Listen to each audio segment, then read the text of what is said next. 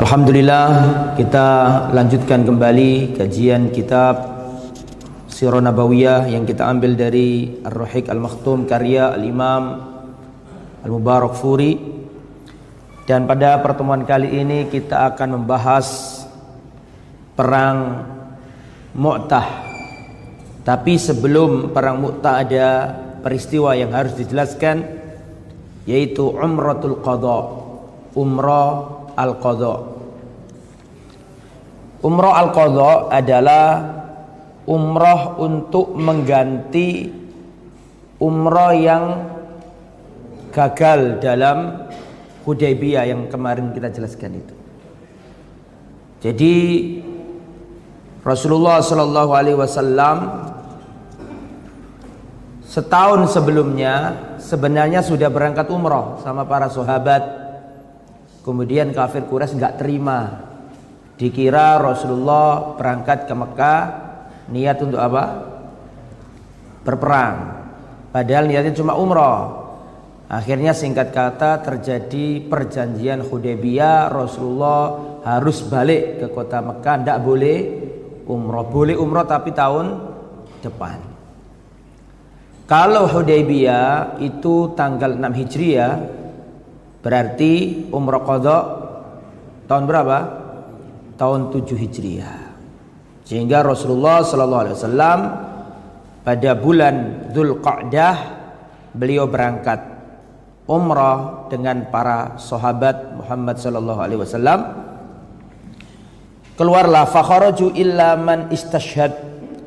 Keluarlah orang yang kapan hari ikut Hudaybiyah itu kecuali orang-orang yang mati syahid yang nggak bisa berangkat.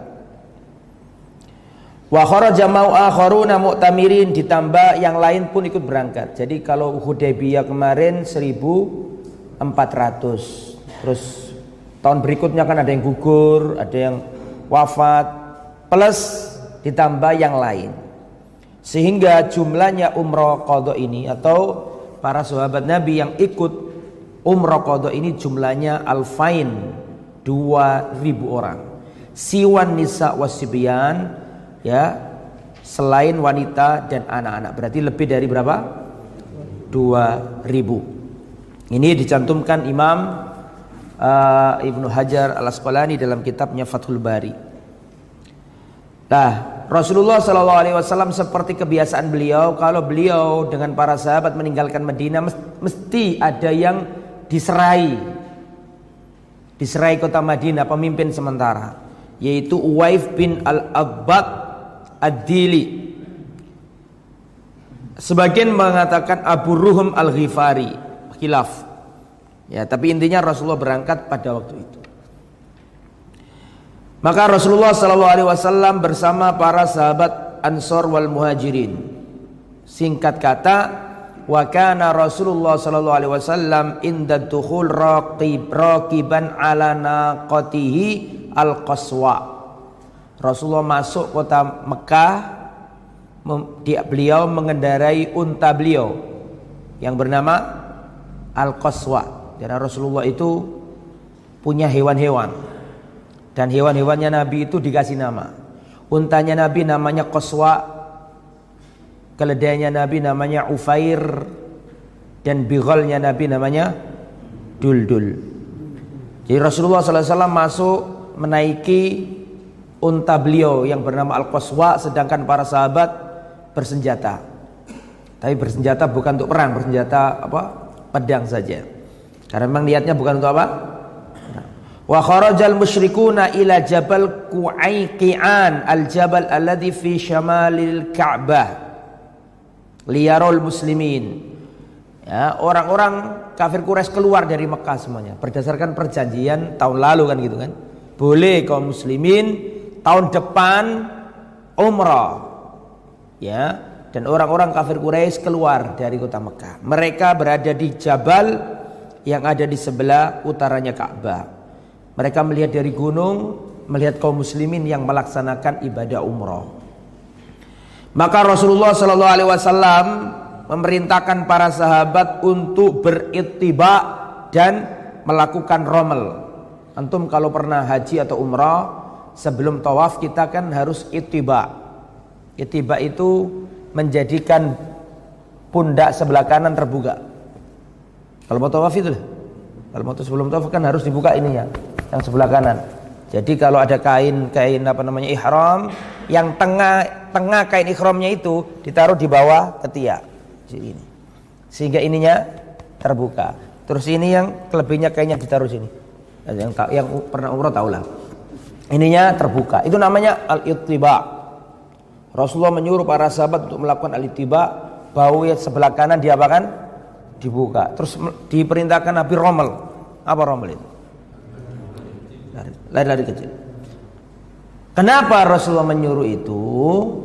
Supaya orang kafir Quraisy yang di gunung-gunung tadi itu melihat bagaimana semangatnya kaum muslimin, ya, giat-giat semangat, ya bau-bau mereka kelihatan dan mereka melakukan rombel sehingga kaum muslimin itu punya wibawa menggetarkan musuh-musuh Islam. Jadi ke kewibawaan di depan musuh itu penting.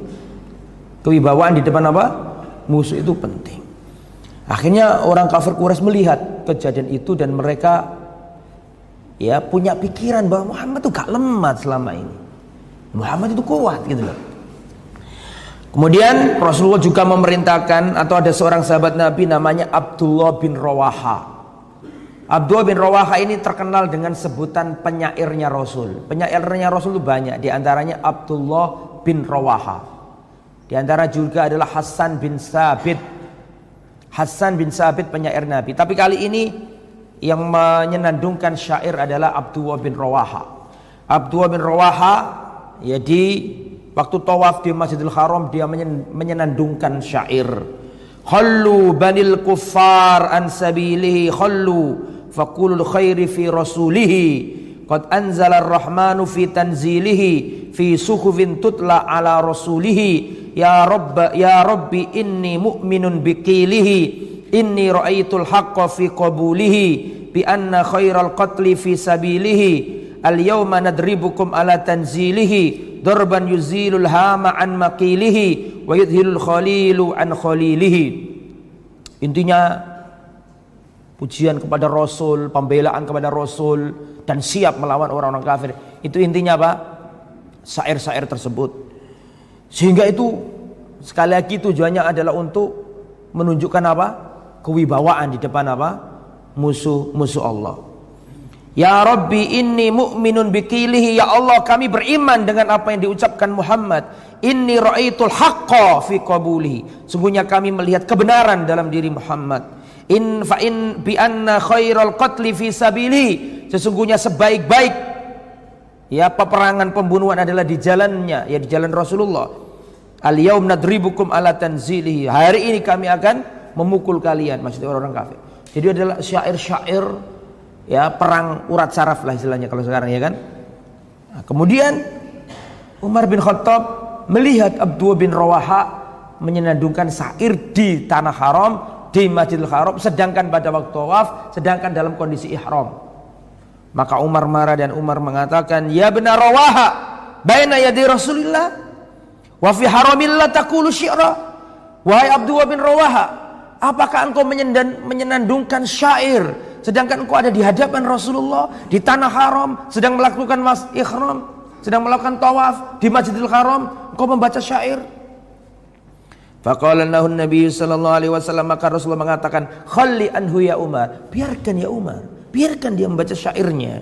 Falau asr falahu wa asra'u fihim min nabl. Sesungguhnya syairnya Abdullah bin Rawaha itu lebih cepat daripada anak panah untuk menghantam apa? orang-orang. Jadi itu dalil bahwa perang itu tidak selama-lamanya kekuatan fisik saja. Tapi ada apa? Propaganda-propaganda. Bahwa ada pembuatan opini juga penting gitu loh. Sampai detik ini juga begitu. Namanya perang itu tidak hanya mengandalkan apa? Kekuatan fisik, tapi harus ada perang opini dan seterusnya. Ya.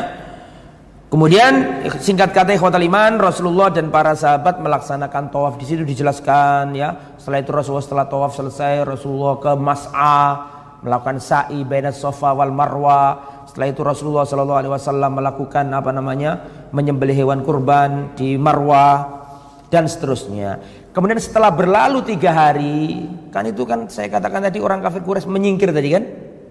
Selama tiga hari selesai, sudah nggak kuat orang kafir Quraisy karena ada di luar kan. Akhirnya dia mengutus utusan kepada Ali bin Abi Thalib. Wahai Ali bin Abi Thalib, sampaikan kepada sahabatmu itu, maksudnya Muhammad SAW, bahwa sudah selesai masanya tiga hari, harus pulang kembali ke mana?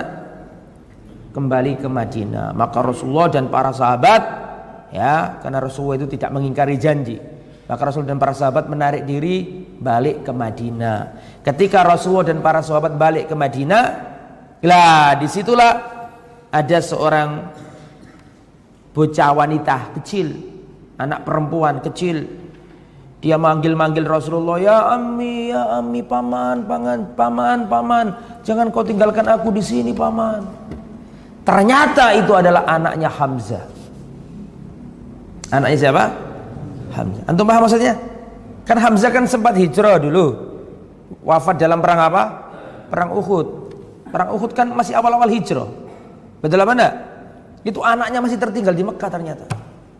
Maka ketika Rasulullah selesai sama Ali sama yang lain mau balik ke Madinah, bocah kecil ini ngomong, "Paman, paman, jangan tinggalkan aku di sini." Akhirnya Rasulullah Shallallahu alaihi wasallam ya fatana wala Ali langsung diambil sama Ali, bocah kecil ini. Diambil sama Ali, kemudian sengketa antara Ali bin Abi Thalib, Ja'far bin Abi Thalib dan Zaid ini rebutan anak kecil. Aku yang bawa, gak, gak aku yang bawa, gak aku yang bawa. Aku aja aku, ah, gitu. Tiga orang. Akhirnya diputuskan Rasulullah bocah kecil ini ikut Ja'far. Bocah kecil ini ikut siapa? Ja'far. Karena apa? Karena istrinya Ja'far, istrinya Ja'far itu bibinya bocah kecil ini. Paham? Istrinya Ja'far itu bibinya anak kecil. Jadi istrinya Ja'far itu adalah saudari dari ibunya anak ini. Paham maksudnya? So, istrinya Ja'far itu adalah saudari dari ibunya anak ini. Nah Ja'far sendiri apanya Hamzah? Keponakannya Hamzah. Berarti bocah kecil ini apanya Hamzah? Sepupunya Hamzah, tapi masih kecil. Akhirnya bocah kecil ini diajak ke mana? Ke Mekah, dirawat sama eh dibawa ke Madinah dirawat sama Hamz eh, sama Ja'far. Karena itu adalah masih sepupunya Ja'far plus keponakan dari istrinya Ja'far. Paham? Jadi kekerabatannya sangat tinggi. Kalau sama Ali dari jalur satu dok kalau iya kan? Tapi kalau dari Ja'far ini dari dua jalur. Dari dirinya Ja'far dan dari istrinya Ja'far. Ya Kemudian ikhwatal iman di Mekah itulah Rasulullah Shallallahu Alaihi Wasallam menikah sama Maimunah. Sayyidatuna Maimunah bintil Haris Al-Amiriyah. Rasulullah menikah sama uh, Ummul Mukminin Maimunah bintil Haris Al-Amiriyah. Lah Maimunah ini adalah saudarinya Ummu Fadl. Ummu Fadl itu istrinya Al-Abbas pamannya Nabi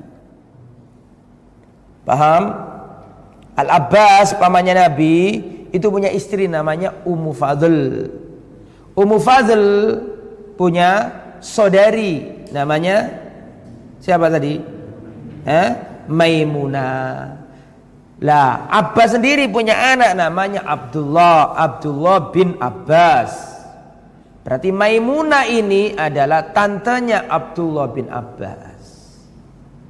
Masih ingat nggak pernah dengar hadis Rasulullah ya dengan istrinya yang namanya Maimunah tadi itu Abdullah bin Abbas pernah datang ke rumahnya Nabi menginap di rumah Nabi.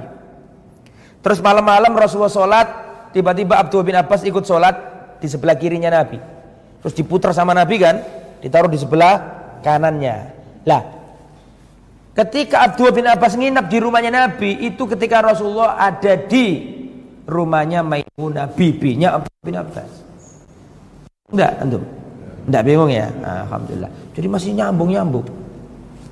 Jadi Maimunah ini istrinya Rasulullah, bibinya Abdul bin Abbas. Jadi Abdul bin Abbas itu kalau manggil Rasulullah kakak, betul benda? Kakak misanan, kakak sepupu. Abdul bin Abbas kalau manggil Maimunah, bibi. Nah, setelah itulah terjadi pernikahan tersebut. Nah, kemudian terjadi syariah, perang-perang kecil-kecil gitu loh tanpa Rasulullah ikut. ngutus-ngutus banyak di sini disebutkan ada Sariyah Ibnu Abil Auja, Sariyah setelah Rasulullah kembali ke Madinah maksudnya. Selesai itu namanya perang Qadha ya. Disebutkan perang Qadha sebagai ganti dari perang Hudaybiyah. Mohon maaf disebutkan Umrah Qadha sebagai pengganti dari Umrah Hudaybiyah yang tahun lalu tidak berhasil. Lah, itu tahun 7 Hijriah. Kemudian tahun 8 Hijriah ini yang akan kita jelaskan terjadi perang besar. Namanya perang perang Mu'tah. Perang apa? Perang Mu'tah. Wa hadhil ma'raka akbaru liqa'il mushin wa a'zamu harbin damiyatin khadhahal muslimun fi hayati Rasulillah Perang Mu'tah ini perang terbesar yang pernah dilakukan kaum muslimin ketika Rasulullah masih hidup. Namanya perang apa? Perang Mu'tah. Perang Mu'tah ini musuhnya bukan ecek-ecek lagi. Perang Mu'tah ini musuhnya sudah Romawi. Itu Rasulullah masih hidup loh. Itu Rasulullah masih hidup. Kaum muslimin sudah pernah berhadapan dengan pasukannya Heraklius. ya. Wahadil ma'rokatu akbar liko. Ini adalah segede-gedenya pertempuran di zaman Rasulullah. Tapi Rasulullah nggak ikut. Rasulullah ngutus pasukan. Dan ini adalah perang pertama melawan orang Nasrani. Kalau kemarin kan orang munafik, orang Yahudi, kemudian kafir Quraisy kan begitu ya. nah, perang Mu'tah ini perang pertama kali melawan tentara salib. perang salib pertama. Itu apa tadi? Perang apa? Mu'tah. Waqat fi Jumadal ula sana as-samina Hijriyah. Wifqa Agustus atau September tahun tahun 8 Hijriah, iya betul ya. Atau bertepatan tahun 700 eh, 629 Masehi. Iya, betul ya? Sitmia tis'in wa ishrin dia. Jadi pada tahun 8 Hijriah atau 629 Masehi terjadi pertempuran dahsyat namanya Ma'rokatu Ma'rokatu Mu'tah, perang Mu'tah ini. Mengapa terjadi perang Mu'tah? Sebabnya adalah dulu kemarin kan saya katakan setelah Rasulullah selesai Hudaybiyah apa namanya perjanjian Hudaybiyah. Salah satu poinnya adalah genjatan senjata selama 10 tahun. Maka tahun pertama digunakan Nabi nyurati raja-raja dunia, betul? Dan di antara yang dikirimi surat adalah Romawi dan juga di antaranya adalah Busro. Busro kota kecil. Maka pada waktu itu Rasulullah pernah mengutus seorang sahabat Nabi namanya Haris bin Umair al-Azdi Al-Haris bin Umair Al-Azdi. Ini pernah diperintahkan Nabi jadi delegasinya Nabi, dutanya Nabi untuk berkirim surat ke Azimi Busra. Ke Raja Busra. Busra itu kota ya ikut wilayah Syam. Dia ini pemimpinnya Malik atau raja kecil ikut Romawi Raya. Jadi rajanya Busra ini masih apa namanya ada di bawah Heraklius. Paham maksudnya? Bisa dipahami ya? Jadi bukan bukan Herakliusnya bukan, tapi bawahannya Heraklius di kota namanya kota apa tadi? Busro. Busro bukan Basro. Kalau Basro ada di Irak. Kalau Busro adalah kota yang ada di tanah Syam. Tapi belum sampai ke utara jauh. Masih ingat Rasulullah diceritakan ketika umur 12 tahun diajak pamannya ya berdagang dari Mekah ke Syam. Di kota Busro ketemu sama pendeta itu lah. Nah itu Busro itu. Jadi sudah ikut Syam tapi masih di selatan, nggak sampai ke yang jantungnya Syam, Damaskus belum belum sampai sana. Rasulullah pernah kirim surat ke Raja Busro dibawa oleh Al Haris bin Umar Al Azdi. Dan pada waktu itu Surah Bil bin Amr Al Ghassani Surahbil bin Amr al-Ghassani dia adalah gubernur Balqa. Balqa itu sekarang di Jordania, Sam. ikut Syam juga. Ditangkap delegasinya Nabi namanya Haris bin Umar Al-Azdi ini ditangkap kemudian dia diikat dan dibunuh oleh Surahbil bin Amr Al-Ghassani. Al-Ghassani itu raja kecil ikut Romawi Raya. Jadi delegasinya Rasulullah itu dibunuh di situ itu. Nah, pembunuhan delegasi atau duta itu kejahatan perang. Sejak zaman dulu sampai sekarang nggak boleh. Duta nggak boleh diapakan? Dibunuh. Jadi ini tidak sekedar pembunuhan tapi menantang perang, begitu loh. Akhirnya Rasulullah SAW ingin membalas darahnya sahabat yang tertumpah di bunuh oleh Al-Ghassani tadi. Itu asal usulnya. Untuk menuntut balas itulah Rasulullah mengirim pasukan. Pasukan ini jumlahnya berapa? 3000 orang. Pasukan kaum muslimin 3000 orang. Nah, di sini diterangkan Amara Rasulullah sallallahu alaihi wasallam ala hadzal ba's Zaid ibn Harithah. Rasulullah wasallam memerintahkan seorang sahabat Nabi menjadi komandan perang, jenderalnya kaum muslimin memimpin 3000 orang yaitu Zaid bin Harisah. Zaid bin Harisah adalah anak mantan anak angkat Rasulullah. Di antara julukannya Zaid bin Harisah adalah Hibbun Nabi wasallam. Manusia kecintaan Rasulullah.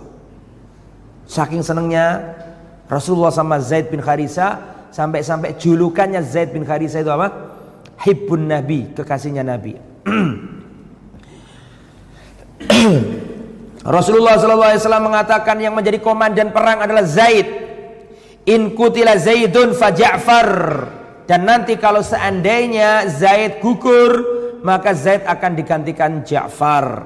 Wa in kutila Ja'far fa Abdullah ibn Rawaha. Dan nanti kalau Ja'far gugur, maka Ja'far akan diganti Abdullah bin Rawaha. Tidak pernah loh Rasulullah mengirim pasukan terus ngomong kayak gitu. Biasanya kan komandannya ini gitu aja kan. Ini ndak, nanti kalau ini gugur diganti ini, kalau ini gugur diganti ini. Itu sudah menjadi isyarat gitu loh. Karena musuhnya ini bukan lagi kafir Quraisy, bukan lagi orang munafik, tapi apa? Romawi Raya. Elemen-elemennya Romawi. Unsur-unsurnya Romawi.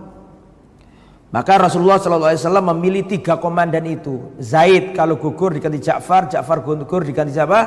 Abdullah bin Rawah. Berangkatlah pasukan ini dan Rasulullah SAW seperti kebiasaan beliau beliau apa namanya memberi wejangan ya uzu bismillah peranglah dengan nama Allah jangan karena apa-apa tapi karena Allah fisabilillah di jalan Allah ya untuk apa mangkafarobila memerangi orang yang kafir la duru jangan kalian berlaku curang wala dan jangan kalian melakukan hulul apa hulul itu Ulul itu nyolong harta rampasan perang sebelum sebelum diapakan? Dibagikan. Wala taqtulu walidan jangan kamu bunuh anak-anak. Wala mra'atan jangan kamu bunuh wanita. Wala kabiron fanian jangan kamu membunuh orang-orang tua. Wala mun'azilan bisauma'atin. Bisauma'atin. Jangan engkau membunuh pendeta biarawan yang ada di di gerejanya atau di kuilnya, jangan kau bunuh. Wala taqta'u nakhlan wala syajaratan, jangan kalian menebas memotong pohon kurma atau pepohonan. Ya, dan janganlah kalian menghancurkan bangunan-bangunan. Itu akhlaknya Rasulullah sallallahu alaihi wasallam. Ya, ini dicantumkan dalam Sahih Bukhari. Sudah dipesan itu. Jadi tujuannya berangkat perang Mu'tah untuk membalas dendam karena darah sahabat Nabi terburu di sana. Namanya siapa tadi? Hah? Al Haris bin Umair yang darahnya di sana. Maka sebelum berangkat Abdullah bin Rawaha menangis. Menangis Abdullah bin Rawaha. Maka orang-orang heran, oh ngapain orang ditu sudah ditunjuk Nabi nanti kalau Zaid wafat diganti Ja'far, Ja'far wafat diganti Abdullah bin Rawaha. Nah sekarang mau berangkat Abdullah bin Rawaha nangis. Orang-orang mengatakan, "Mayubki, apa yang buatmu menangis wahai Abdullah bin Rawaha?" Qal, "Ama wallahi ma bihubbud dunya Demi Allah aku menangis bukan karena aku cinta dunia, bukan. Bukan itu. Tapi aku menangis karena aku pernah mendengar Rasulullah membaca ayat wa inna minkum illa wariduha kana ala rabbika hatman maqdiya. Dan tidaklah dan sesungguhnya kalian dan tidaklah di antara kalian kecuali akan mendatangi neraka itu. Dan itu sudah menjadi ketetapan bagi Allah. Maka nangis nih maka orang-orang menghibur Abdullah bin Rawaha dan mengatakan Ya sahibakumullah bisalama Allah akan menyertakan Allah akan menyertaimu dengan keselamatan. Engkau akan pulang kembali dengan sehat wal afiat membawa harta ghanimah dan seterusnya. Kemudian Abdul bin Rawaha membaca syair lagi. Karena memang beliau itu ada, adalah apa? Penyairnya siapa? Rasulullah SAW. Maka berangkatlah pasukan Islam menuju ke utara karena kita tahu ya di sana apa namanya selatan itu Mekah, ke utara Medina, Medina ke utara lagi apa? Tanah Syam, berangkat ke arah utara. Kemudian ikhwatul iman dalam perangan ini tentaranya Ghassan tadi itu didukung oleh Heraklius. Kan ini kan perang ini kan sebenarnya kan antara kaum muslimin dengan kerajaan bawahannya Heraklius kan gitu kan. Tapi ketika tahu seperti itu maka Heraklius pun membackup ya raja-raja Romawi membackup dan ya, turun di negeri Balko. Balko itu sekarang di Jordania. Eh, turun di Balko itu pasukan jumlahnya berapa? Eh? 100 ribu Romawi. Ya, tapi dengan pasukan-pasukan yang lain totalnya pasukannya orang-orang Nasrani totalnya adalah 200 ribu pasukan karena itu kan yang di backup sama Kaisar Romawi berapa tadi 100 ribu. Tetapi mereka sendiri sudah punya pasukan gitu loh. Betul? Sehingga totalnya berapa? Mi'ata alfi muqatilin. 200 ribu. Jumlahnya pasukannya Nasrani, tentara Romawi dan anak bawahannya 200 ribu. Bayang zaman itu loh. Sensus penduduk mungkin nggak sepadat zaman sekarang, tapi zaman itu bisa mengumpulkan orang berapa? 200 ribu. Jumlahnya kaum muslim berapa? 3 ribu. Ah, subhanallah. Bayangkan 3 ribu melawan berapa? 200 ribu. Maka berangkatlah Rasulullah Sallallahu Alaihi Wasallam eh, maka berangkatlah para sahabat lam yakun al muslimun akhad adkhalu fi hisabi liqamit li hadzal jaisil aramram gak sampai masuk di pikirannya sahabat itu menjumpai pasukan segede itu Ya, kebetulan pada waktu itu Rasulullah, eh mohon maaf Rasulullah lagi astagfirullah. Para sahabat tiba di negeri Ma'an. Ma'an itu di Jordania. Saya pernah ke Ma'an ini. Dekat sama Petra. Ma'an ya. Kota Ma'an itu ada di Jordania sekarang. Maka kaum muslimin ketika tiba di Ma'an melihat musuh 200 ribu bingung. Maka di negeri Ma'an itu sekarang ikut Jordania. Di negeri Ma'an itu kaum muslimin bermusyawarah ini gimana? Gak mungkin kita menang. Tolong ngatus tolong ewu melawan 200 ribu. Gimana? Gak masuk akal. Gak mungkin kita menang. Akhirnya mereka berpendapat, ayo kita nulis surat. Naktubu ila Rasulillah fanuhbiruhu bi di aduina ya mari kita nulis surat kita kirim ke Rasulullah yang ada di kota Madinah mengasih tahu kalau jumlahnya musuh kita ini berlipat-lipat ya 200 ribu nggak sebanding dengan kita. Supaya Rasulullah mengirim pasukan tambahan.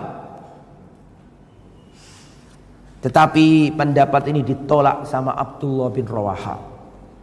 Dan Abdullah bin Rawaha memotiva, memotivasi manusia dan berkata, "Ya kaum, wallahi innal lati takrahuna lallati kharajtum tatlubuna syahada wa ma nuqatilun nas bi adadin wala quwwatin wala kasratin ma nuqatilum illa bihadzal din alladhi akramana Allah bihi fantaliku fa inna ma hiya ihdal husnayain imma duhur wa imma syahada Wahai manusia, wallahi sesungguhnya sesuatu yang kalian benci sekarang ini adalah sesuatu yang kalian berangkat karenanya. Bukankah kita ingin mencari kesyahidan?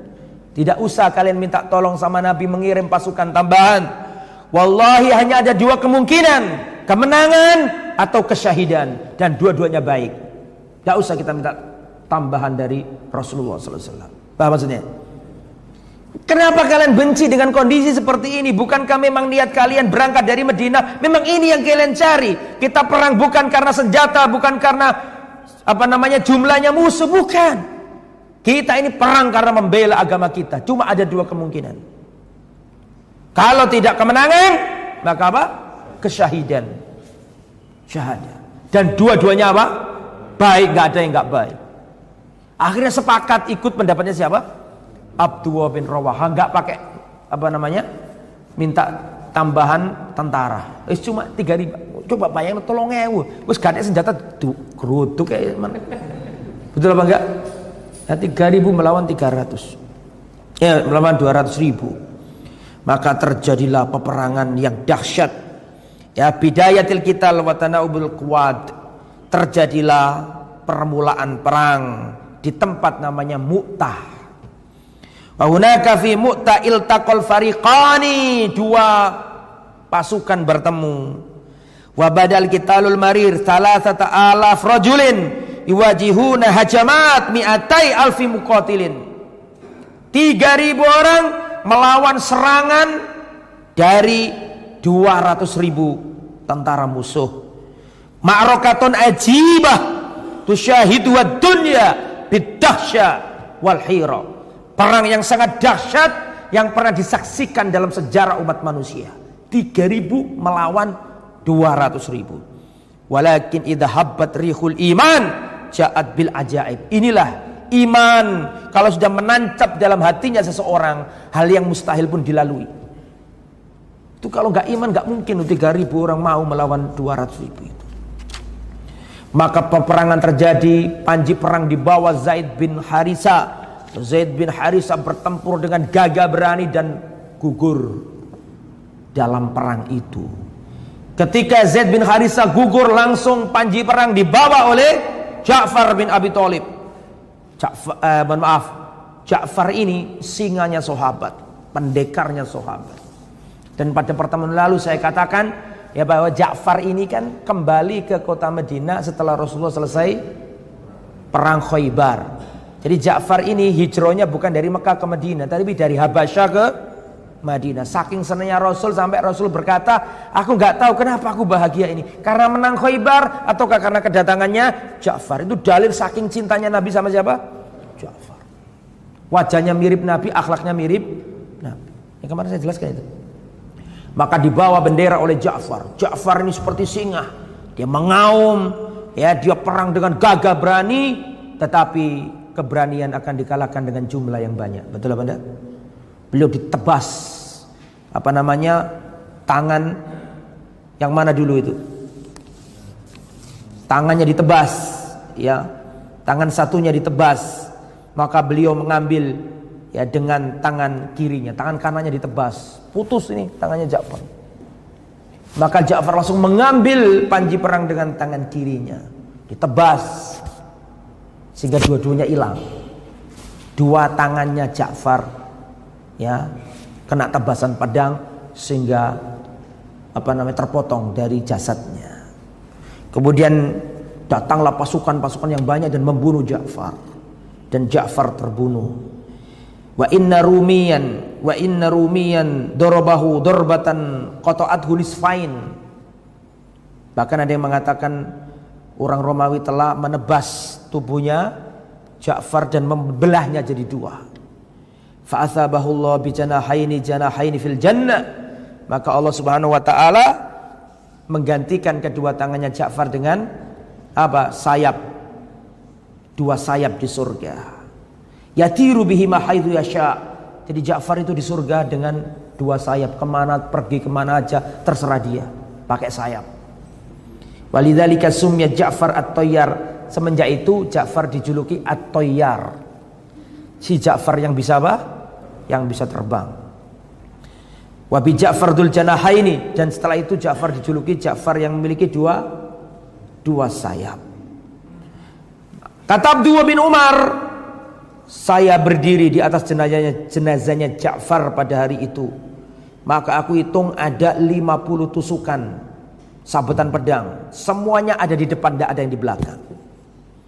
Dalam riwayat yang lain dikatakan wajadna ma fi jasadi bid'an wa tis'ina min ta'natin wa rumyatin. Sebagian riwayat mengatakan bahwa aku jumpai dalam jasadnya Ja'far itu ada 90 sekian tusukan dan sabetan pedang. Semuanya ada di mana? Di depan, gak ada di belakang. Maksudnya apa itu? Maju terus. Tidak pernah mundur. Seandainya mundur kan kena punggungnya. Betul apa enggak? Dia nggak pernah menyerang. Maka diganti oleh siapa? Abdul Wabir. Abdul Wabir Wahab maju mundur. Terus dia meyakinkan dirinya membaca syair lagi. Aksamtu ya nafsi latanzilannahu karihatan au latutawi annahu. Aku bersumpah wahai jiwa, engkau harus turun, kamu benci maupun senang. Maka diambillah panji perang itu oleh siapa? Abdullah bin Rawaha. Dia perang dengan gigi, dengan apa? Berani dan dia pun tewas dan gugur karena keberanian akan dikalahkan dengan apa? Musuh yang sangat apa? Yang sangat banyak. Tiga-tiganya gugur. Jumlah kecil, komandannya mati kabeh. Bingung. Kaum muslimin bingung. Akhirnya ada seorang laki-laki namanya Sabit bin Akram radhiyallahu anhu. Beliau langsung ngambil panji Islam dan mengatakan, "Wahai kaum muslimin, segera tunjuk, segera musyawarahkan siapa yang akan membawa panji perang ini yang menjadi komandan ini siapa? Segera tunjuk. Gak boleh perang tanpa komando, gak boleh. Hancur kalau perang tanpa komando. Betul apa enggak? Ya kamu, kamu yang bawa bendera. Lu jangan saya, saya cuma usul toh. Akhirnya orang-orang sepakat Khalid bin Walid. Khalid bin Walid membuat apa? Membawa panji perang. Khalid bin Walid menggambarkan kedahsyatan perang Mu'tah itu. Kata Khalid bin Walid, "Laqad inqata'at fi yadi yauma Mu'tah tis'at asyaf." Telah patah pedang yang aku bawa dalam perang Mu'tah itu sembilan pedang patah semuanya. Nah, Khalid itu si jiwang padha karo wong sewu. Mati kabeh musuh ini ngono lho.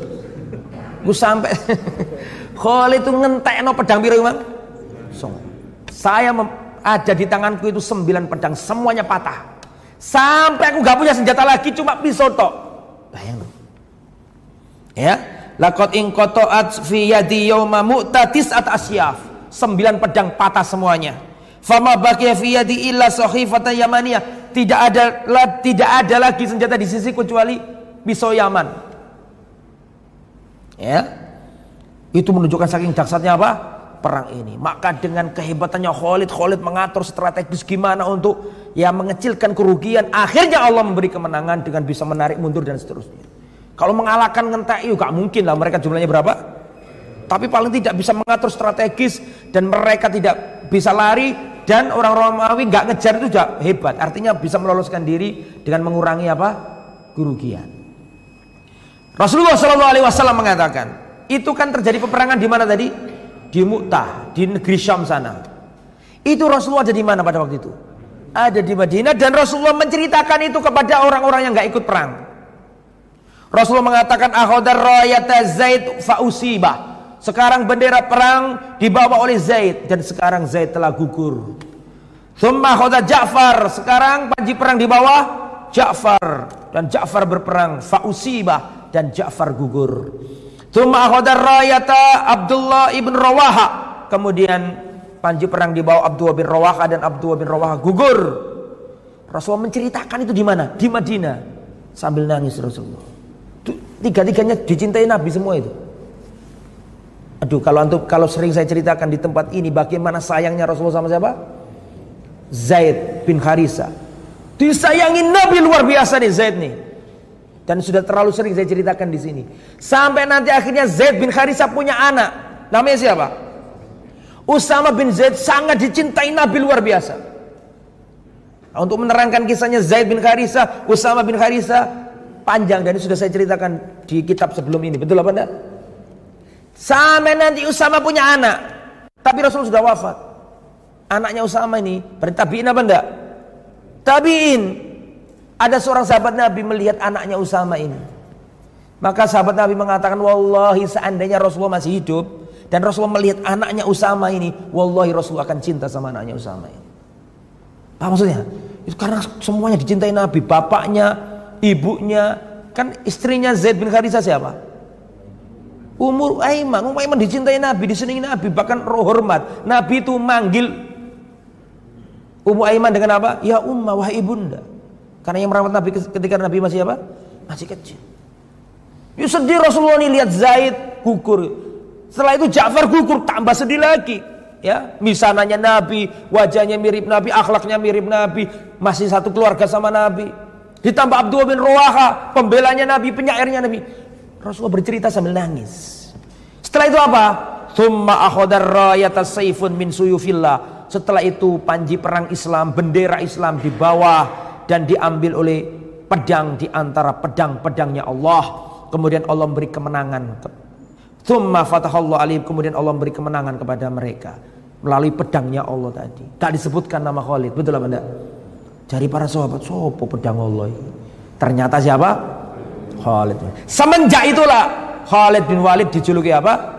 Saifun min suyufillah al-maslul. Pedang di antara pedang-pedang Allah yang terhunus. Maka Khalid Walid berhasil mengatur strategis, akhirnya mengurangi angka kurban dan seterusnya. Maka peperangan ini efeknya sangat dahsyat.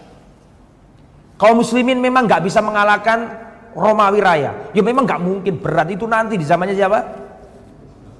Di zamannya Umar Khattab. Umar Khattab memberantas pasukan Romawi sehingga mereka menyingkir dari tanah Syam sampai ke Konstantinopel. Turki kalau sekarang. Nah, nanti Konstantinopel itu baru di gasak di zamannya Muhammad Al-Fatih. Tapi zamannya Umar itu berhasil mensterilkan negeri Syam dari unsur-unsur Romawi. Padahal dulu Romawi ada di Syam itu. Paham maksudnya? Makanya zamannya Umar itu menumbangkan persis seakar-akarnya. Di zamannya Umar, memberantas Romawi tapi nggak akar-akarnya. Paham nggak maksudnya? Karena mereka lari ke mana? Konstantinopel. Tapi tumbang di Syam hancur. Kaisar Romawi mengungsi dari Damaskus ke Konstantinopel sana. Itu masih nanti, tapi pada waktu itu adalah pertemuan pertama antara tentara Islam dengan apa? Pasukan salib atau Romawi. Memang perang ini nggak menang, tetapi efeknya dahsyat. Efeknya kemenangan bagi kaum muslimin. Coba antum bayang loh. Biasanya itu melawan suku-suku Badui, melawan orang Yahudi, melawan orang munafik, melawan kafir Quraisy. Meskipun mereka hebat-hebat, tangguh-tangguh, gede-gede, jumlahnya banyak, tapi juga ada bapaknya kalau dibandingkan sama Romi. Setelah peperangan ini, secara politik kaum muslimin terangkat di seantero Jazirah Arab.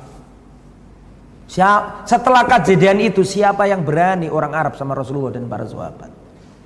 Kafir Quraisy juga mikir-mikir. Duh, Muhammad nih Romawi dilarang, dilawan. Paham nggak maksudnya? Setelah itu mikir-mikir ini siapa? Mak makanya setelah perang ini nanti besok saya terangkan Fatku Makkah. Apa Fatku Makkah itu? Menaklukkan kota Makkah. Karena mereka juga mikir, jangan kan kita orang kafir Quraisy menurut mereka ya. Ini Romawi loh ditantang. Akhirnya ciut semuanya musuh Islam. Apa maksudnya? Yang di Jazirah Arab itu loh ada orang suku-suku Badui, ada Kotovan, ada orang Yahudi, ada orang munafik, ada kafir Quraisy. Semenjak ada peperangan itu, secara politik namanya Nabi terangkat ke atas di seantero Jazirah Arab. Karena mereka mikirnya bukan kalah menangnya lagi. Yang dipikirkan itu kok bisa Muhammad yang kecil sama sahabat-sahabatnya menantang siapa? Rom itu yang dijadikan garis besar di situ. Maka setelah itu kan menjadi cikal bakal besok ini akan terjadi apa? Penaklukan kota Mekah juga. Karena Mekah juga merasa nggak mampu menghadapi pasukannya siapa? Rasulullah Shallallahu Alaihi Wasallam. Dan peperangan ini, ya jumlah kaum muslimin bayang nah, berapa yang gugur kira-kira?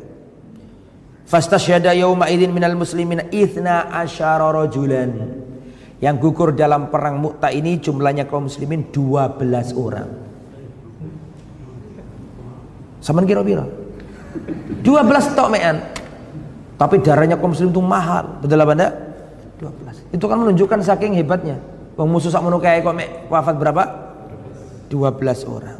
Ameruman ada pun yang mati dari orang Romawi falam yuraf adatu qatlahum. Enggak bisa diketahui saking akeh. Khairu anna tafsilal ma'raka yadullu ala kathratihim. Hanya saja peperangan ini menunjukkan betapa banyak tentara Romawi yang gugur. Antum jangan heran. Tak kasih tahu ya. Perang Badar 300 melawan berapa? 1000. Itu yang 1000 digolong sama Allah, ditolong sama Allah kaum muslimin. Perang Kodisia yang dipimpin oleh Sa'ad bin Abi Waqqas di zamannya Umar Khattab melawan Persia Raya. Jumlahnya kaum muslimin 4000 orang. Jumlahnya tentara Kodisia 80 ribu. Kalah yang 80 ribu. Antum baca lagi perang perangnya di zamannya Utsman bin Affan ketika membuka dan menaklukkan Afrika Utara, tentara barbar. Masih ingat? Seorang sahabat Nabi Abdullah bin Zubair bin Awam yang berhasil memburu tentara yang berhasil membunuh raja barbar pada waktu itu. Barbar itu mana? Antum kalau pernah dengar barbar, barbar itu mana? Barbar itu Afrika Utara, Tunisia, Maroko, Mauritania, Aljazair itu itu dulu namanya bangsa barbar. Kalau sekarang ya sudah jadi Arab semua, tapi dulu itu barbar namanya. Itu jumlahnya kaum muslimin kurang lebih lah 20 ribu. Jumlahnya orang kafir Quraisy 200 ribu. Dimenangkan oleh berapa? Itu sudah biasa tentara Islam mengalahkan itu. Makanya jangan heran. Karena mereka, makanya perhatikan. Umar bin Khattab nih, sebelum mengutus tentara pasukan Islam, dia panggil panglima perangnya. Umar bin Khattab mengatakan begini, perhatikan ini luar biasa ini. Umar bin Khattab berkata kepada panglima perang, "Wahai tentara Islam, wallahi yang aku takutkan bukan musuh-musuh kalian. Aku nggak takut. Yang aku takutkan itu bukan musuh kalian. Tapi yang aku takutkan adalah diri-diri kalian. Sesungguhnya selama ini kalian dimenangkan oleh Allah karena maksiat yang dilakukan oleh musuh-musuh kalian. Seandainya kalian melakukan maksiat, maka mereka yang lebih berhak untuk dimenangkan oleh Allah. Maka minta tolonglah kepada Allah untuk bisa mengalahkan diri-diri kalian sebelum kalian minta tolong kepada Allah untuk mengalahkan musuh-musuh kalian. Paham nggak maksudnya? Kenapa kaum muslimin ini dimenangkan Allah? Karena maksiat yang dilakukan oleh musuhnya. Lah kalau kita melakukan maksiat yang dilakukan oleh mereka, siapa yang dimenangkan Allah? Ya terserah siapa sing jumlahnya ke siapa sing Lah bagaimana kaum muslimin sekarang ini dimenangkan Allah? Wong seluruh maksiat yang dilakukan wong kafir dilakoni wong Islam kabeh. 300 perang Badar mengalahkan 1000. Mengapa? Karena yang 300 ini setia melakukan ketaatan, tidak melakukan maksiat yang dilakukan 1000. Perang Uhud jumlah kaum muslimin cuma berapa? 700 karena orang gak, kurang munafik lari dari perang 300 sehingga jumlahnya kaum muslimin cuma 700 melawan 3 3000 pasukan tentara kafir. Di awal-awal yang 700 memenangkan peperangan Sampai lari tunggang langgang nih orang kafir Quraisy. Tapi gara-gara kaum muslim melakukan maksiat, tidak taat sama perintah Nabi suruh jaga apa? Bukit Rumat membawa panah, mereka turun. Ketika mereka maksiat, dikalahkan sama Allah. Lah, saya mau tanya, selama ini, sekarang ini, maksiat mana yang dilakukan orang kafir yang tidak kita lakukan? Untuk paham maksudnya? Bagaimana kita dimenangkan Allah? Wong kita yang dimenangkan karena mereka maksiat, kita nggak maksiat. Nah sekarang ini maksiat yang mereka lakukan kita lakukan. Mereka riba, kita riba. Mereka buka urat, kita buka urat. Ya, mereka melakukan ini, kita juga melakukan. Kita mengikuti mereka. Makanya perhatikan. Peperangan sesungguhnya adalah dengan orang Barat memasukkan ideologi mereka, memasukkan kultur mereka, budaya mereka. Kalau mereka tahun baru, kita tahun baruan. Mereka Natalan, kita ikut Natalan. Pasti kalah. Sebelum perang pasti kalah. Dan lu gak sadar kaum muslimin itu. Ngono lu gak paham orang Islam itu. Pokoknya us awakmu elok mereka budayanya, kulturnya, akidahnya, gak mungkin kamu menang. Gak mungkin.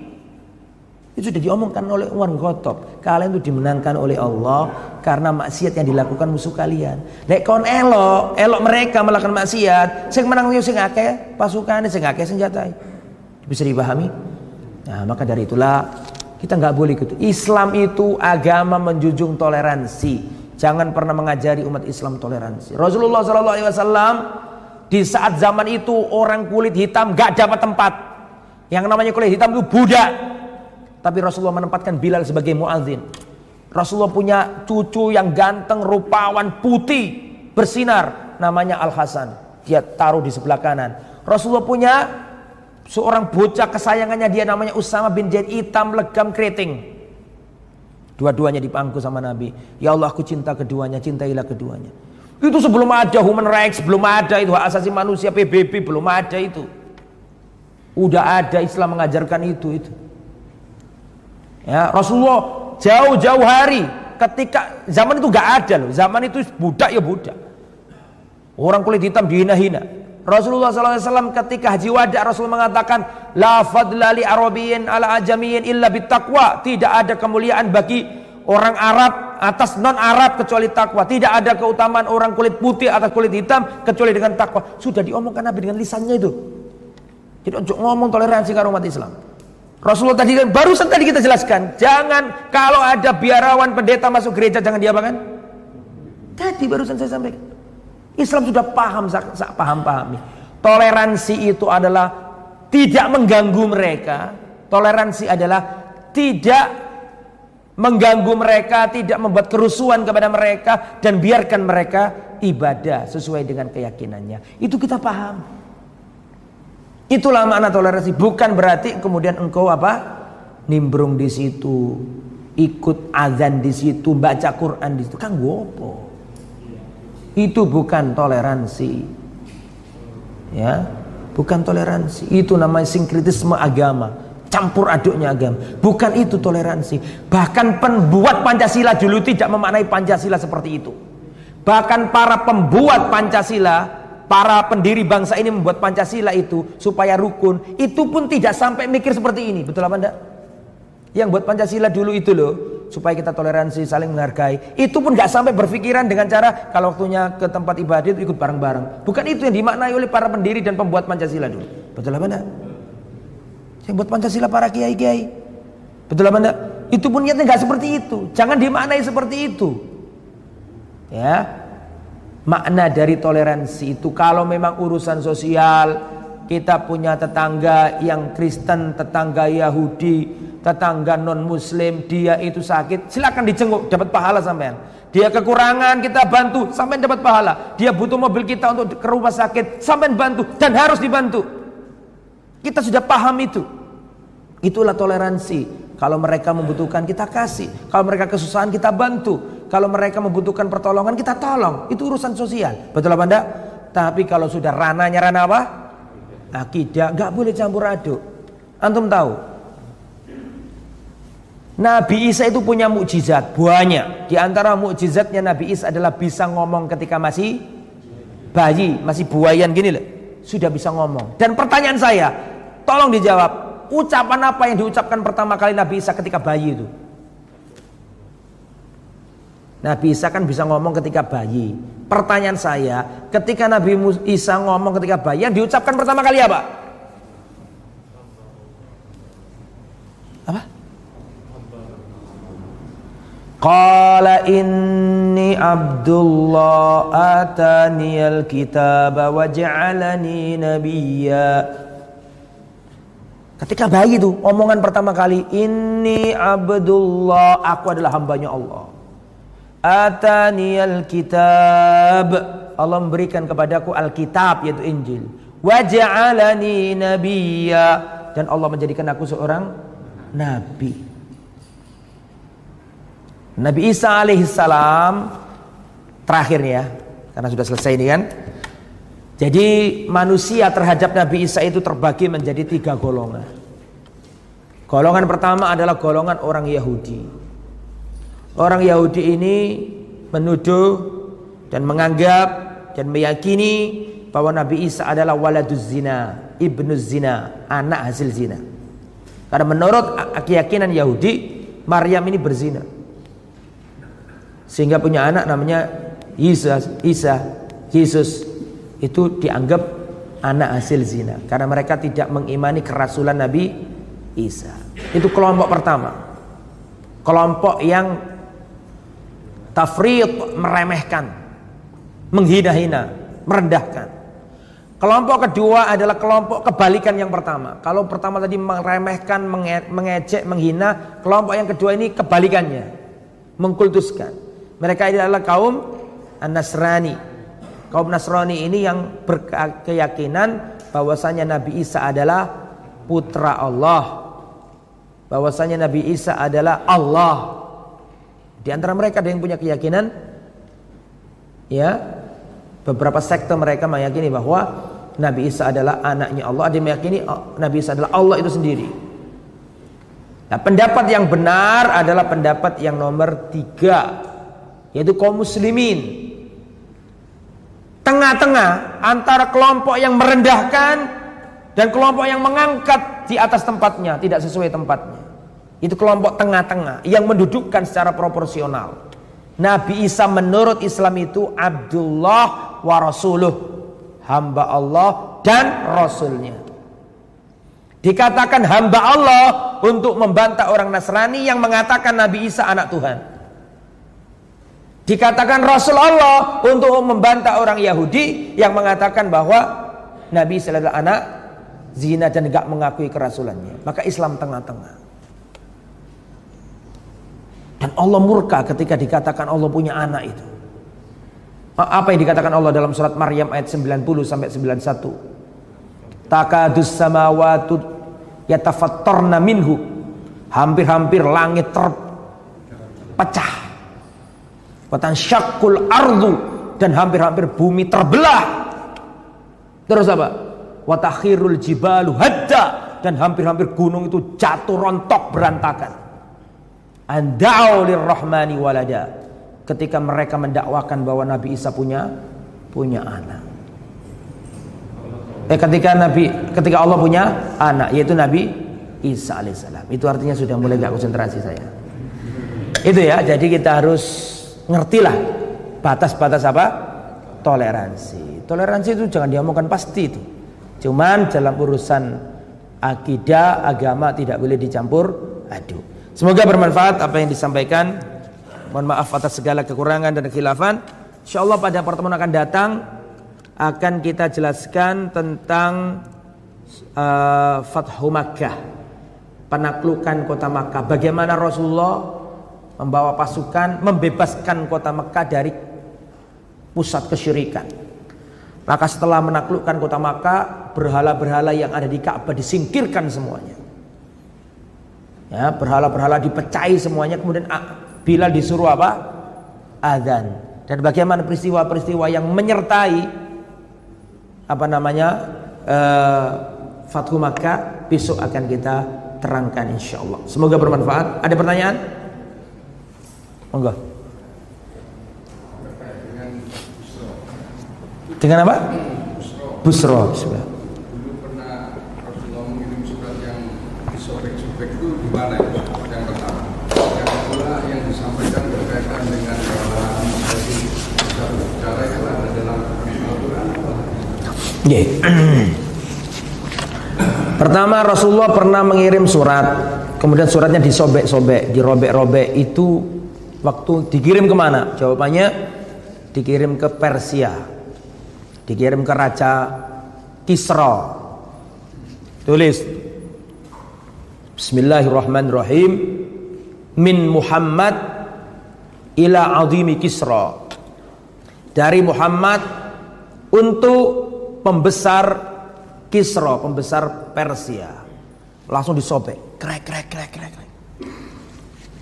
Abdi kataba ismi kataba ismahu qabla ismi. Budakku hamba sahayaku berani menulis namanya sebelum namaku.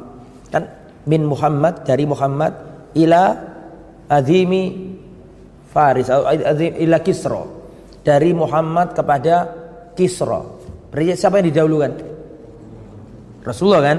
Maka marah dia dan mengatakan ham karena orang orang Arab dulu kan di, dianggap pinggiran dulu zaman itu. Orang Arab gak dianggap. Makanya budakku berani, rakyatku berani menulis namanya sebelum namaku disobek. Berbeda dengan Heraklius. Heraklius kan iman, kemarin kan hatinya kan tahu sebenarnya. Tapi karena takut kekuasaannya hilang, gak berani. Tapi suratnya Nabi gak disobek, dimuliakan. Bahkan ngerti kalau dia itu nabi. Bahkan Heraklius mengatakan seandainya yang mengatakan dirinya rasul itu ada di hadapanku, niscaya aku akan apa? Cuci kakinya. Karena aku basuh kakinya. Rasulullah pernah ngirimi surat Raja Mukaukis. Suratnya Nabi ditaruh bagus. Dimuliakan suratnya Nabi. Bahkan Nabi mengirim dikirimi apa? Dikirimi wanita Maria Al-Kiptia, dikirimi dul-dul ya kan? Dan seterusnya. Nah, karena suratnya Rasulullah disobek itu Rasul berdoa Allahumma mazzik mulkahum. Ya Allah robek-robeklah kerajaannya. Paham? Langsung malam itu terjadi kudeta berdarah di tanah Persia. Raja yang nyobek-nyobek itu dibunuh anaknya sendiri. Karena doanya Rasulullah tadi itu. Oke terus pertanyaan kedua tadi tentang apa Ah, Rasulullah SAW, eh, Nabi Isa bisa ngomong ketika bayi. Itu Al-Quran apa hadis? Ya, Al-Quran kan? Wa yukallimun nasa fil mahdi wa kahla. Surat Al-Imran. Iya kan? Saya nggak bawa Al-Quran ini. Ada berapa itu? Wa yukallimun nasa fil mahdi wa kahla. Wahai, wahai Maryam, Allah akan memberikan kepadamu anak yang akan menjadi nabi dan dia akan bisa ngomong ketika dia masih apa? Balita. Dan bayi yang bisa ngomong ada berapa?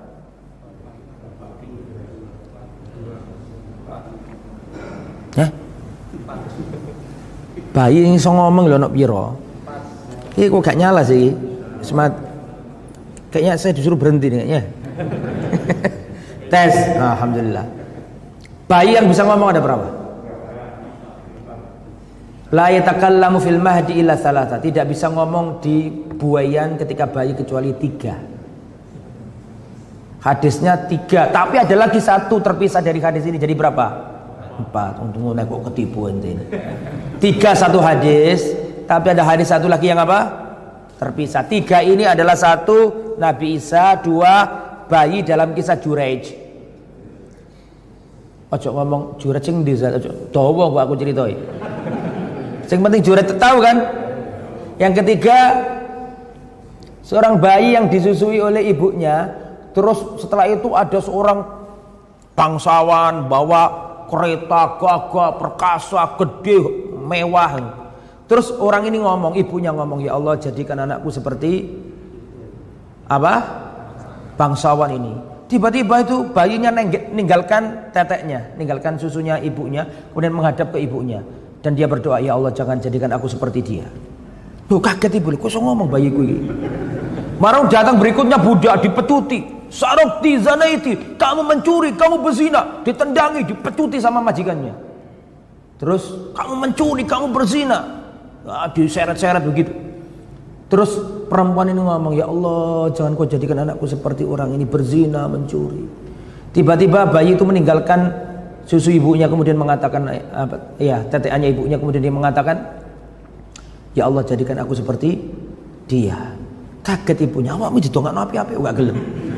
Hitungan dadi wong enak gak gelem ono pencuri malah pengen dadi pencuri apa sih awakmu iki? Akhirnya bayi ini ngomong bi, adapun yang pertama dia adalah apa? Orang sombong, orang yang jumawa, aku nggak mau. Adapun yang kedua itu orang baik-baik dituduh mencuri, dituduh berzina. Itu artinya jangan melihat orang dari apa? Covernya. Betul apa? Inna Allah yang Allah la yanduru ila suwarikum wala amwalikum walakin yanduru ila kulubikum wa amalikum. Jangan lihat wajahnya manusia, hartanya manusia, Allah tidak melihat hartanya manusia, wajahnya manusia, tapi yang dilihat Allah adalah hatinya, kemudian baru amalannya. Nah, itu. Berarti ada tiga. Ada lagi tambahan satu lagi. Yaitu kisah Ashabul Ukhdud. Ini juga panjang ceritanya. Gimana cerita Ashabul Ukhdud ini? Ashabul Ukhdud ini ceritanya singkatnya dulu di Yaman itu ada raja dolim. Di Yaman, di Yaman ada raja dolim. Semua kalau nggak iman sama dirinya, nggak mau nyembah dirinya, di apa? Dimasukkan ke parit yang menyala-nyala apinya. Paham? Pada waktu penduduk Yaman karena ada kisah Hulam itu ceritanya ada di tafsir surat wassama idzatil buruj maw'ud wasyahidin wa mashhud. Ah ini kutila ashabul ukhdud annari dzatil waqud. Antum lihat tafsirnya itu ada ceritanya ashabul apa? Ukhdud. Panjang ceritanya itu. Intinya itu orang Yaman itu beriman kepada Allah. Rajanya murka. Maka raja menyuruh prajuritnya membuat parit besar diisi oleh diisi dengan api-api yang menyala. Antri nih, antri. Eh, kamu iman gak sama agamamu, sama Allahmu itu, dan kamu gak mau iman sama aku? Dia, aku beriman kepada Allah. Camplong no, menyala-nyala pak. Ganti kira, iman gak kamu sama aku? Lah, aku iman sama Allah. Camplong no, dibakar. Terus antri sampai terakhir ada seorang ibu membawa balita Ibu bawa bocah kecil. Ditanya, kamu iman gak sama aku atau sama Tuhanmu itu? Saya iman sama Allah. Tapi dia itu mau murtad karena nggak tega sama anaknya. Ternyata cemplung anakku mati. Terbawa apa? Bukan murtad, bukan murtad. Tapi dia itu kasihan sama siapa? Anaknya musuh anakku ini angkatin mati sanoi. Dia itu mau ngomong terpaksa gitu loh. Mau ngomong, iya aku iman kepada kamu, nggak iman sama Allah. Hampir ngomong gitu dia itu maju mundur karena nggak tega lihat anaknya bukan karena dirinya nggak tega sama anaknya itu dan seandainya itu pura-pura murtad boleh enggak boleh seperti kisahnya siapa Hah? Amr bin Yasir. Maju mundur. Amr bin Amr bin Yasir bukan Amr bin As. Ammar bin Yasir. Dia maju mundur. Ketika lihat ibunya maju mundur bayi ini ngomong ya umma isbiri fa innaki alal haq. Wahai ibunda sabarlah. Kau itu di atas kebenaran. Langsung dia terjun ke situ. Yaitu empat bayi yang bisa ngomong. Begitu ya jadi pertanyaan apakah uh, mukjizat Nabi Isa bisa bicara itu di hadis di Quran juga mungkin di hadis juga tapi yang jelas di Quran ya wa yukallimun nasa fil mahdi wa ada yang bawa Quran dah saya nggak bawa HP supaya tahu ayatnya maksud saya begitu Ya. Mana Qurannya? Nah, ada yang bawa mushaf Al-Quran? Oh enggak ada, jangan dipaksa lah. Ya. Ceritanya Ali Imran itu loh. Jadi ibunya ibu apa namanya istrinya Imran itu nazar. Kalau anakku ini nanti laki-laki ya Allah, aku jadikan dia pengabdi, pelayan bagi Baitul Maqdis. Ternyata yang lahir itu perempuan sedih istrinya Imran ini Rabbi inni wada'tuha unsa walisa dzakaru kal unsa ya Allah aku lahiran anak perempuan padahal cita-cita aku anakku laki-laki pendekar akan meng, mengayomi dan menjadi pengawalnya Baitul Maqdis begitu ceritanya Kemudian dikasih Maryam, "Inni sammaituha Maryam wa inni u'iduha bika wa dzurriyyataha minasyaitonir rajim. Ya Allah, aku kasih nama anak ini Maryam. Aku memohon kepadamu perlindungan untuknya dan anak keturunannya. Maka dalam riwayat bayi di seluruh dunia atau bayi itu nangis semuanya kecuali dua bayi yang nggak nangis. Maryam sama Yesus sama Isa alaihissalam. Karena didoakan sama neneknya itu. Ya, punya anak. Maryam ini yatim. Ini dilanjutkan apa sudah? Sudah kayaknya. Maryam ini anak yatim diasuh Nabi Zakaria. Diasuh Nabi Zakaria. Dan Nabi Zakaria itu apanya Maryam? Maryam punya saudari, saudarinya Maryam nikah sama Zakaria. Nabi Zakaria. Nabi Zakaria punya anak sama Yahya. Punya anak namanya Yahya. Dari Nabi, Nabi Yahya sama Nabi Isa ini sepupu ketemu sepupu. Bibik-bibik punya anak punya anak ya terus dipelihara sama Zakaria setiap Zakaria masuk ke ruangannya Maryam mihrabnya Maryam. Di situ ada makanan musim panas di waktu musim dingin. Ada buah-buahan musim panas di waktu musim dingin dan ada buah-buahan musim dingin di waktu panas. Heran. Ibaratnya nggak waktunya nggak ada mangga di situ. Paham nggak? Nggak ada waktunya durian tapi ada durian di misalnya kalau di Indonesia. Kaget ya Maryam dari mana ini? Kata Maryam dari Allah. Makanya sebagian ulama mengatakan Maryam ini nabi. Karena banyak-banyak ayat yang menunjukkan Allah berkata ke Maryam. Bahkan Allah mengutus siapa? Jibril masih ingat gak? Maryam ada di pangkal pohon. Terus ya wahai Maryam goyang gak? Loh, siapa sih nyuruh itu kalau nggak malaikat? Maka sebagian ulama mengatakan Maryam itu apa? Nabi, tapi pendapat yang rojib bukan Nabi. Nah, itu masih panjang ceritanya. Allah alam. Ada pertanyaan lagi?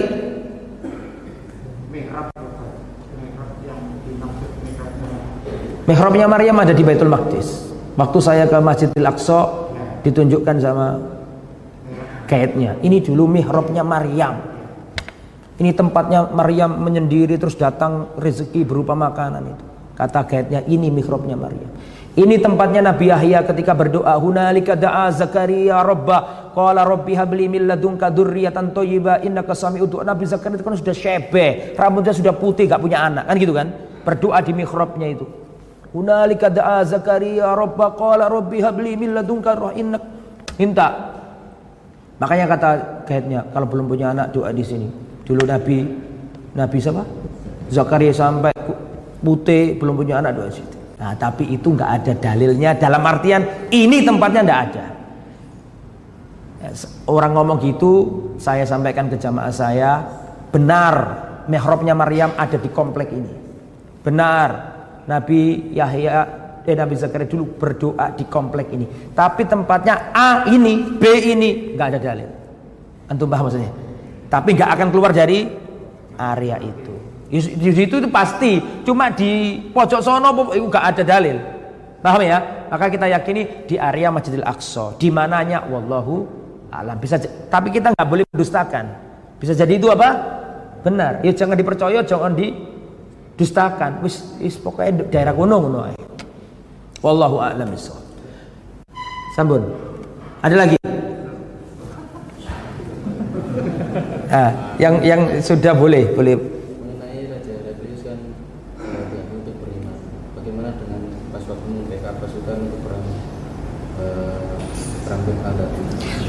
Kita nggak bisa juga mengatakan Heraklius beriman ya. Karena buktinya dia nggak beriman. Karena kita akan menghukumi sesuatu dari dohirnya. Cuma memang sebenarnya lihat dari indikasi-indikasi hadis yang kemarin kita jelaskan ada iman itu sebenarnya. Tapi kita pastikan dia muslim nggak boleh. Buktinya dia nggak Islam kok. Kan gitu kan? Ya dia kita akan mungkin sesuatu berdasarkan apa? Dohirnya. Terus kedua kenapa kok dia membackup kan gitu kan? Banyak alasan. Karena raja itu nggak hanya raja, di sana ada penasehat, ada panglima, ada militer. Jadi tidak seperti itu. Wallahu a'lam. Yang lain? Tolong. Uh, berkaitan dengan mihrab, bolehkah kita mengambil kesunatan dari situ untuk menjadikan sebagian tempat untuk mihrab? Misalkan sebagian rumah itu difokuskan untuk ibadah tanpa ada urusan duniawi sama sekali di sebagian tempat. Ya musola itu namanya nggak apa-apa. Misalnya ada tamu ya kan? Ada tamu ada pengen sholat sunnah nggak apa-apa. Kalau sekedar itu dong. Urusan bukan sesuatu yang terlarang ya nggak apa-apa kan misalnya menyediakan rumah itu ada ruang khusus bagi mungkin ada tamu ada kita pengen sholat di situ kasih sajadah kasih boleh apa enggak Allah nggak apa-apa insya Allah Wallahu alam tidak masalah insya Allah cukup gak? Semoga bermanfaat. Subhanakallahumma bihamdika asyhadu an la ilaha illa anta astaghfiruka wa atubu. Assalamualaikum warahmatullahi wabarakatuh.